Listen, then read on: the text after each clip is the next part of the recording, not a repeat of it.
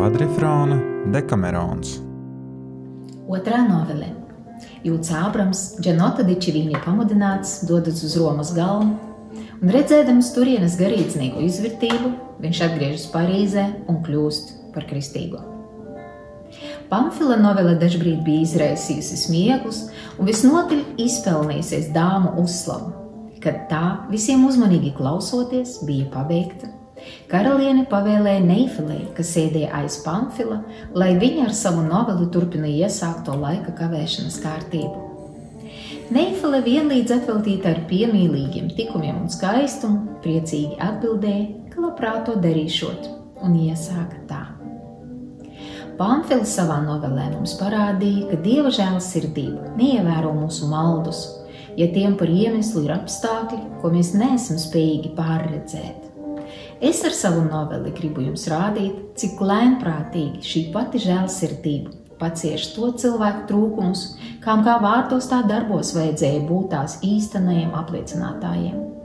Tādā kārtā mums atklājas dieva žēlsirdības nemaldīgais patiesīgums, lai mēs ar jo stiprāku gara nelokamību sekotu tam, kam mēs ticam.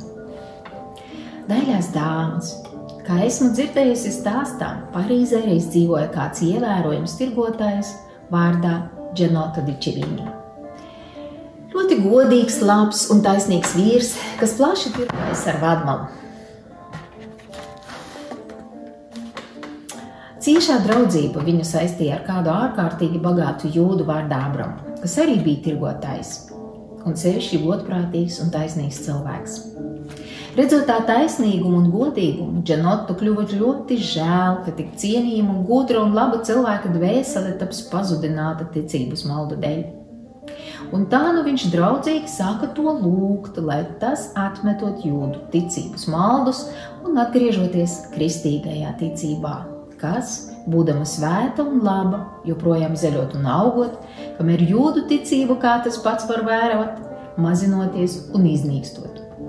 Jūds atbildēja, ka vienīgi jūdu ticību un nevienu citu viņš uzskatot par svētu un labu. Tajā viņš esot piedzimis, tajā domājot dzīvot un nomirt, un nekas viņu nespēšot no tās novērst. Džanotu tomēr neatlaidās, un pēc dažām dienām atkal griezās pie jūda ar līdzīgām runām, mēģinādams viņu pārliecināt ar nevisai smalkiem pierādījumiem, kā jau parasti tirgotāji to mēdz, kādu iemeslu dēļ mūsu ticība ir labāka par jūdu.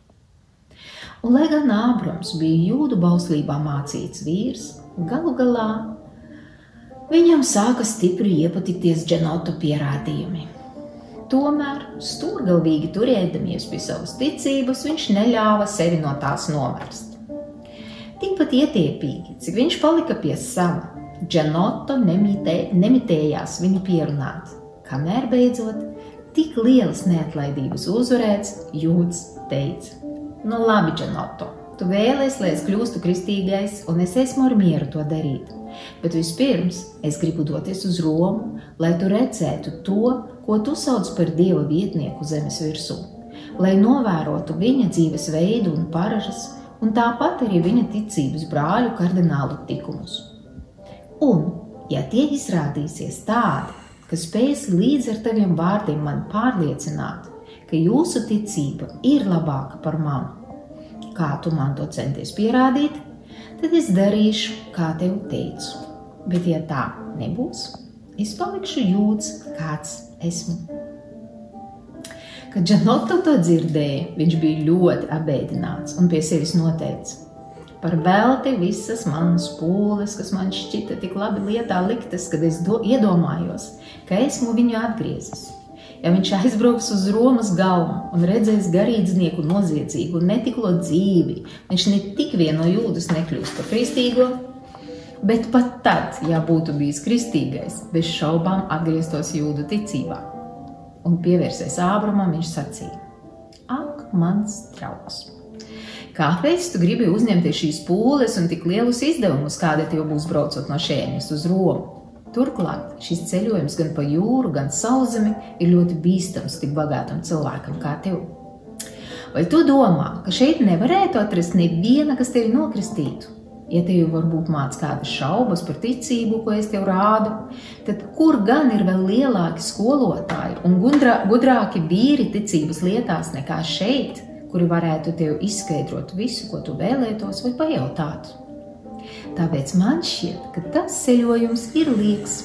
Un padomā, ka prelāti tur ir tādi paši, kādus tu šeit esi varējis redzēt, un pat vēl labāki, par cik viņi atrodas tuvāk pašam augsta, augstajam ganam.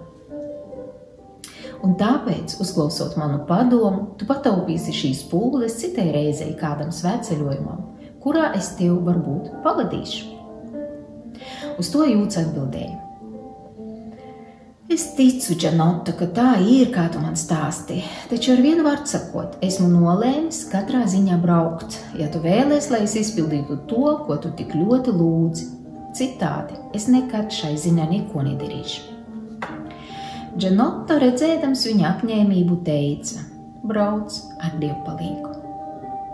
Taču pie sevis viņš nodomāja, ka jūtas nekad nekļūs par kristieti, ja būs redzējis Romas galvu. Nevarēdams te neko līdzēt, Džanoto likās mierā. Jūts uzkāpa zirgā un cik vien ātri varēdams steidzās uz Romas galvu. Galā nonākuši viņa ar lielu godu uzņēma turienes jūtu. Un tā nu šeit dzīvodams, nestāstot nevienam, kāpēc šur braucis, viņš sāka uzmanīgi vērot pāvesta kardinālu pārējo prelātu un visu galma ļaužu paražas. Pēc tā, ko viņš būdams ļoti vērīgs cilvēks pats redzēja, Un arī pēc tā, ko dzirdēja no citiem, viņam kļuva skaidrs, ka tie visi no lielāka līdz mazākajiem, bez jebkādiem sirdsapziņas pārmetumiem vai kaunu, bezgodīgi grēko. Turklāt viņš pārliecinājās, ka tie visi ir gardēži, dzērāji, žūpas, kas līdzīgi kustoņiem pēc miesas kārības visvairāk kalpo vēderam, nevis kam citam. Tuvāk paraugoties, jūs Jūts redzēja, ka viņi visi bija tik skūpi un mantkārīgi, ka par naudu pirka un pārdeva gan cilvēku, pat kristiešu asinis, gan svētās lietas, vienalga kādas tās bija, vai no tās piederēja pie ziedojumiem vai baznīcas sakramenta.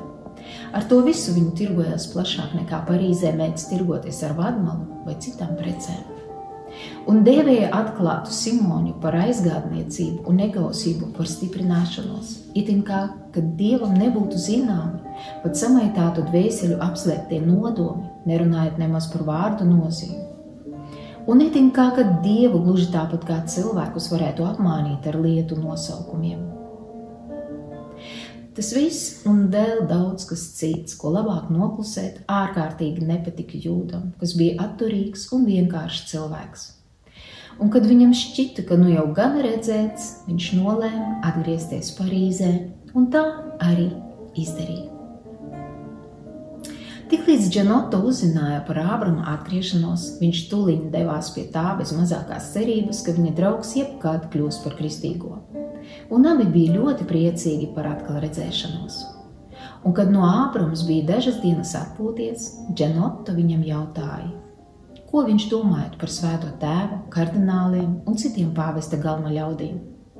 Uz to jūts ātri atbildēja: tikai ļaunu, un lai Dievs viņu soda, kā viņi to pelnījuši.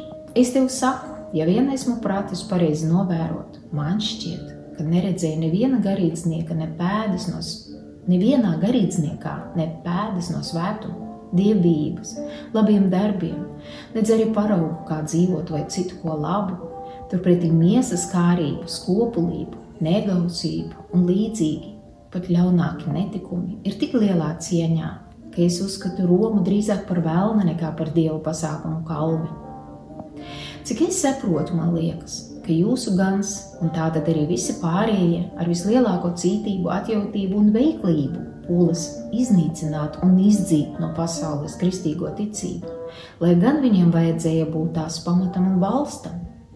Taču, redzot, ka tomēr nenotiek tas, pēc kā viņi cenšas, bet jūsu ticība ar katru dienu vēršas plašumā, kļūst mirdzošāka un skaidrāka, man taisnīgi jāatzīst, ka svētais gars ir tās pamats un balsts, un ka tā ir īstenāka un svētāka par citām ticībām. Un tāpēc, kaut gan es agrāk biju stūrgalvīgs un nelokams pret teviem mudinājumiem, un negribēju kļūt kristīgais, tagad es tev atklāti pasaku, ka nekas mani nespēs atturēt no kristīšanās. Tad nu iesim uz baznīcu, un tur pēc jūsu svētās ticības paražām liec mani nokristīt. Džanoto, kas gaidīja pilnīgi pretēju iznākumu, dzirdēdam šos vārdus, jutās vislaimīgākais cilvēks, kāds jebkad bijis. Viņi kopā aizgāja uz Parīzes dievmātes katedrāli un lūdza turienes garīdzniekus Ābramu nokristīt. Izdzirduši, ko no tiem prasa, tie tūdaļ lūgumu izpildīja. Džanota bija krustējusi un draugam deva vārdu Giovanni. Pēc tam Džanota uzdeva gudriem vīriem pamatīgi apmācīt viņu mūsu ticībā, kuru, kuru viņš ātri apguva un vēlāk kļuva par labu un krietnu cilvēku ar svētu dzīvi. Es esmu Rūta Muktupāva, Kultūras akadēmijas pasniedzēja. Un es piedalos šajā akcijā tāpēc, ka savā ziņā situācija ir ļoti līdzīga 14. gadsimtam, kad uh, pasaulē notiek tādas lietas, ko mēs nespējam ietekmēt. Un uh, labākais, ko mēs varam darīt, ir uh, meklēt savu ideālo pasauli, atgriezties grāmatās, atgriezties ģimenēs, atgriezties draugu lokā un varbūt klusi un atturīgi, bet svinēt dzīvi.